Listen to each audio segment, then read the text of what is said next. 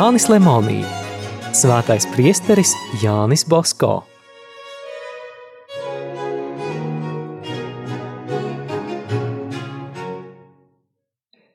Bosko bija arvien tāds pats kā agrāk.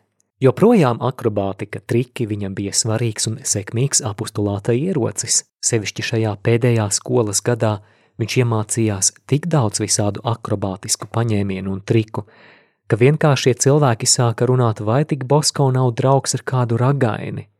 Pat dzīvokļa īpašnieks Toms Kumīno neiztika bez nopietnām šaubām. Viņš bija ļoti likumīgs cilvēks, bet arī liels jogdaris. Jānis viņam izdabādams parādīja jaunus trikus. Reiz savā vārda dienā Kumīno saviem ciemiņiem pasniedza ceptu gaili. Kad visi sasēdās pie galda, pats saimnieks sāka griezt gardo cepeti. Kādas šausmas!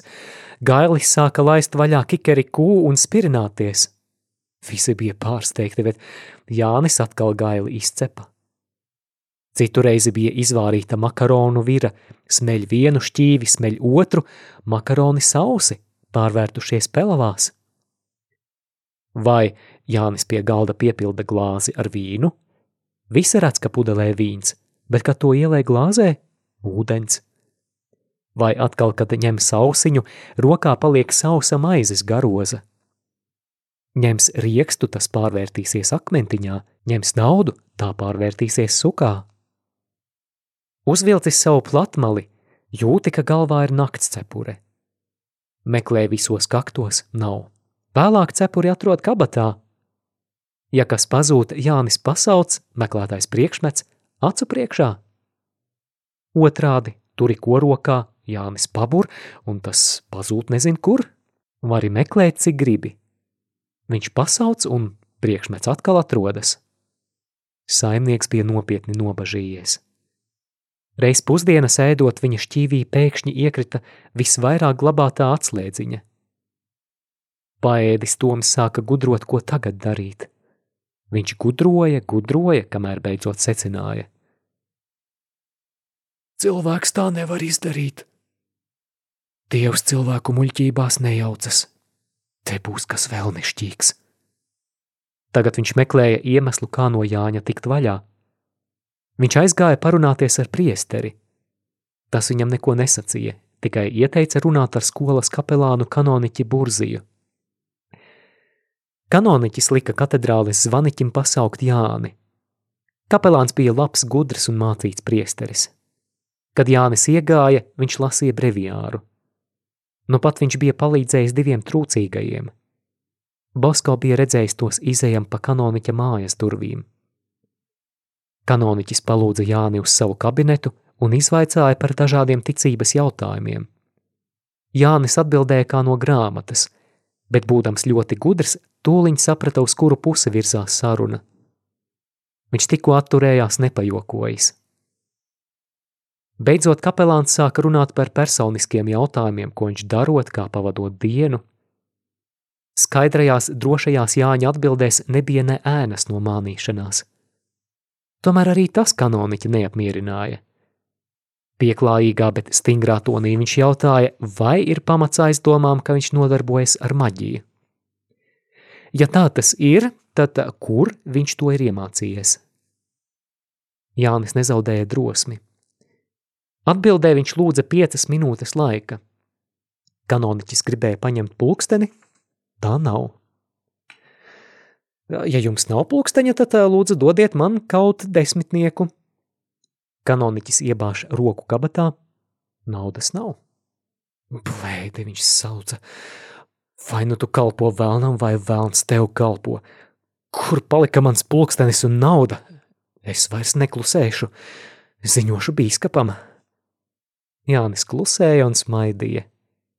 Kad pirmās dusmas bija pārgājušas, kanoniķis sāka runāt mierīgi. Nu labi, pastāsti man, kā tu tā spēji? Kā tu man izvilki naudu un pulksteni? Kur tie palika? Kanoniķa kungs Jānis atbildēja. Izskaidrošu jums visu pavisam īsi un vienkārši. Visus šos trikus paveicu ar izveicību, apmānu un norunu. Nu, nu, kāda te var būt noruna par manu pulksteni un naudu? Šeit nav norunas, bet pavisam parasta lieta, pavisam mazs sīkums. Kad es pie jums atnācu, pa durvīm izgāja divi ubagi. Jums nauda bija palikusi uz soliņa, vēlāk ieejot citā istabā uz galda atstājāt pulksteni. Jūs bijāt pārliecināts, ka tie jums ir, bet nejūtāt, ka tie nokļuvuši svešās rokās un tagad atrodas zem šīs lampas kupola. Šos vārdus sacīdams, viņš pacēla kupolu un parādīja, kur nelabais bija paslēpis kapelāna lietas. Labais priesteris nosmējās un palūdza viņam vēl kaut ko parādīt. Kad viņš redzēja, cik veikli Jānis paslēpa un atkal atrada dažādus priekšmetus, viņš sirsnīgi smējās un viņu atlaidams sacīja: Ej, mierīgs, un saviem draugiem pasaki, ka tiešām ignorancija est magistra admirationis. Nezināšana ir apbrīnas skolotāja. Tagad Jānis atkal varēja brīvi rādīt savus trikus. Sevišķi slavens viņš kļuva ar priekšmetu pievilināšanu. Neviena neaiztiktas lietas pēc Jāņa pavēles atradās citur, bet mājās atstātas vai aizmirstas lietas atradās skatītāju kabatās.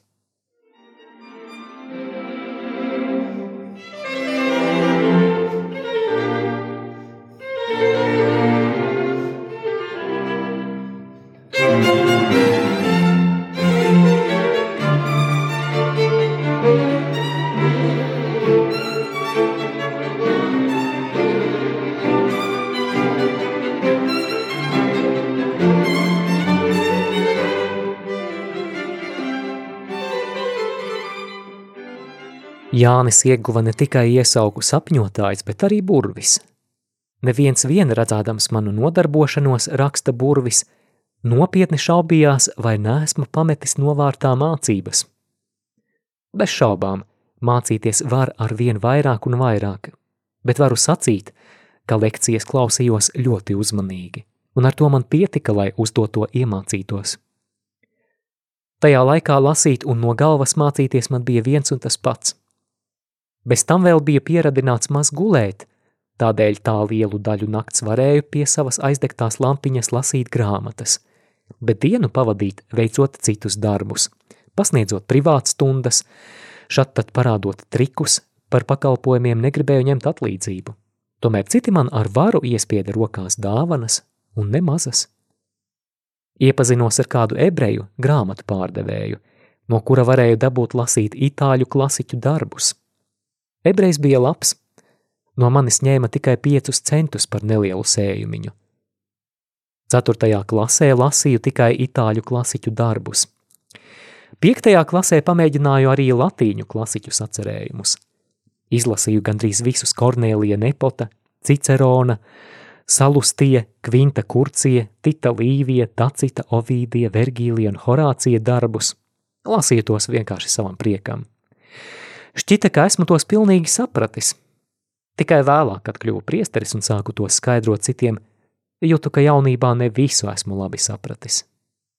Tikai ļoti izglītots un daudz lasījis cilvēks var šos klasiķu darbus apgūt un baudīt viņu sacerējumus to pilnīgā skaistumā. Visi šie darbi, mācības un lasīšana aizņēma visu manu dienu un arī lielu daļu nakts. Nereizi vien jūtu, ka cilvēki sāk jau mosties, bet es vēl lasu Titu Līviju. Tāds pārmērīgs darbs kaitēja manai veselībai. Dažus gadus biju kā pusdzīvs. Nezināju, vai vēl piederu šai vai jau citai pasaulē. Tādēļ es nekad neesmu ļāvis jauniešiem strādāt naktīs un vairāk nekā viņi spēja. Izņemot ļoti svarīgu vajadzību, nevienam nebūtu jāstrādā garīgs darbs pēc vakariņām. Naktis ir atpūtai. Stipras veselības cilvēks varbūt arī tik ļoti nejutīs nakts darba kaitīgumu, bet tāda nevajadzīga spēku izšķiešana visiem dārgi maksās.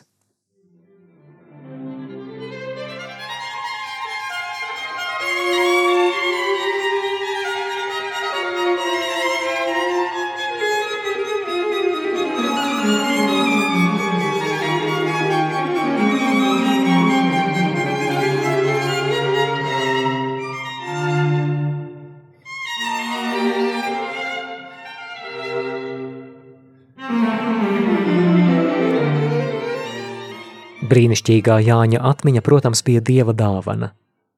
Viņa paša nopelns bija tas, ka viņš šo vērīgo talantu nenometa zemē, bet nemitīgi izlietoja.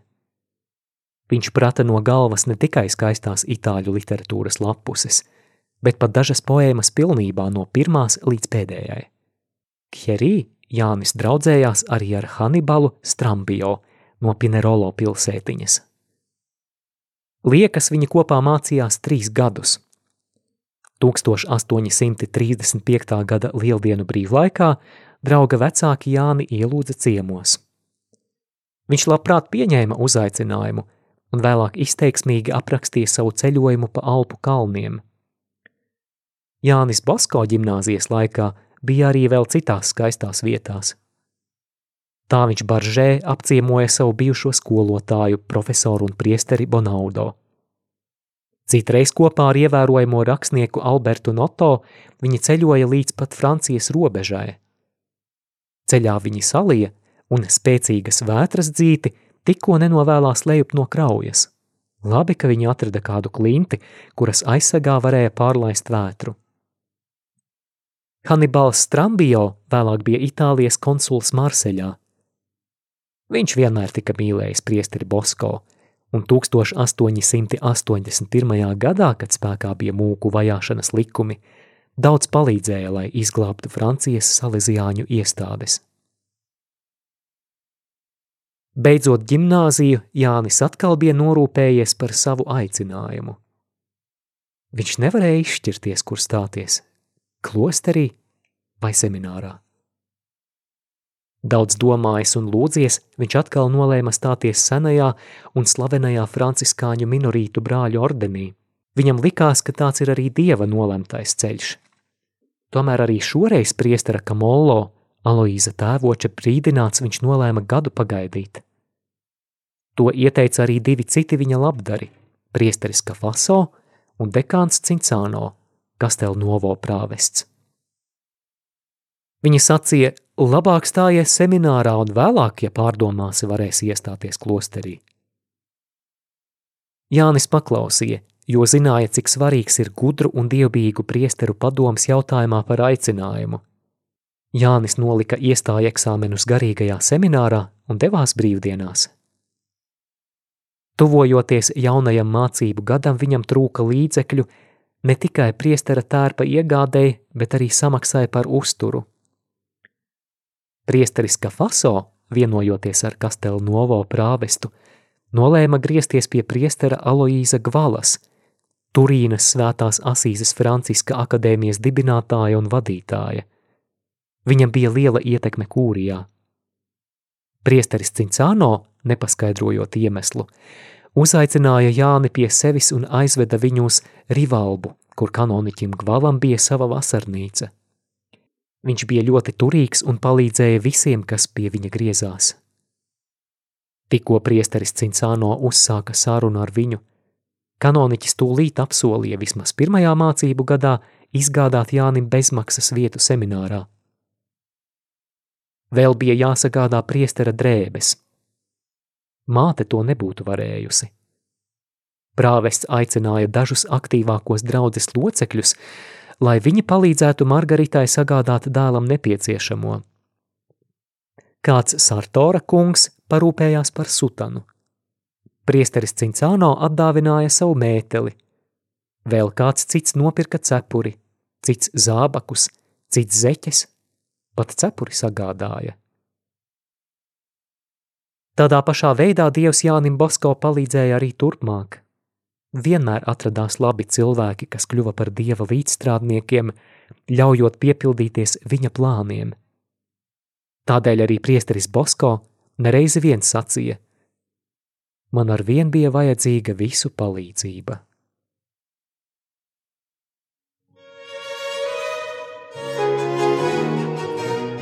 Izskanēja lasījums no Jāņa Lemonija grāmatas Svētais priesteris Jānis Bosko.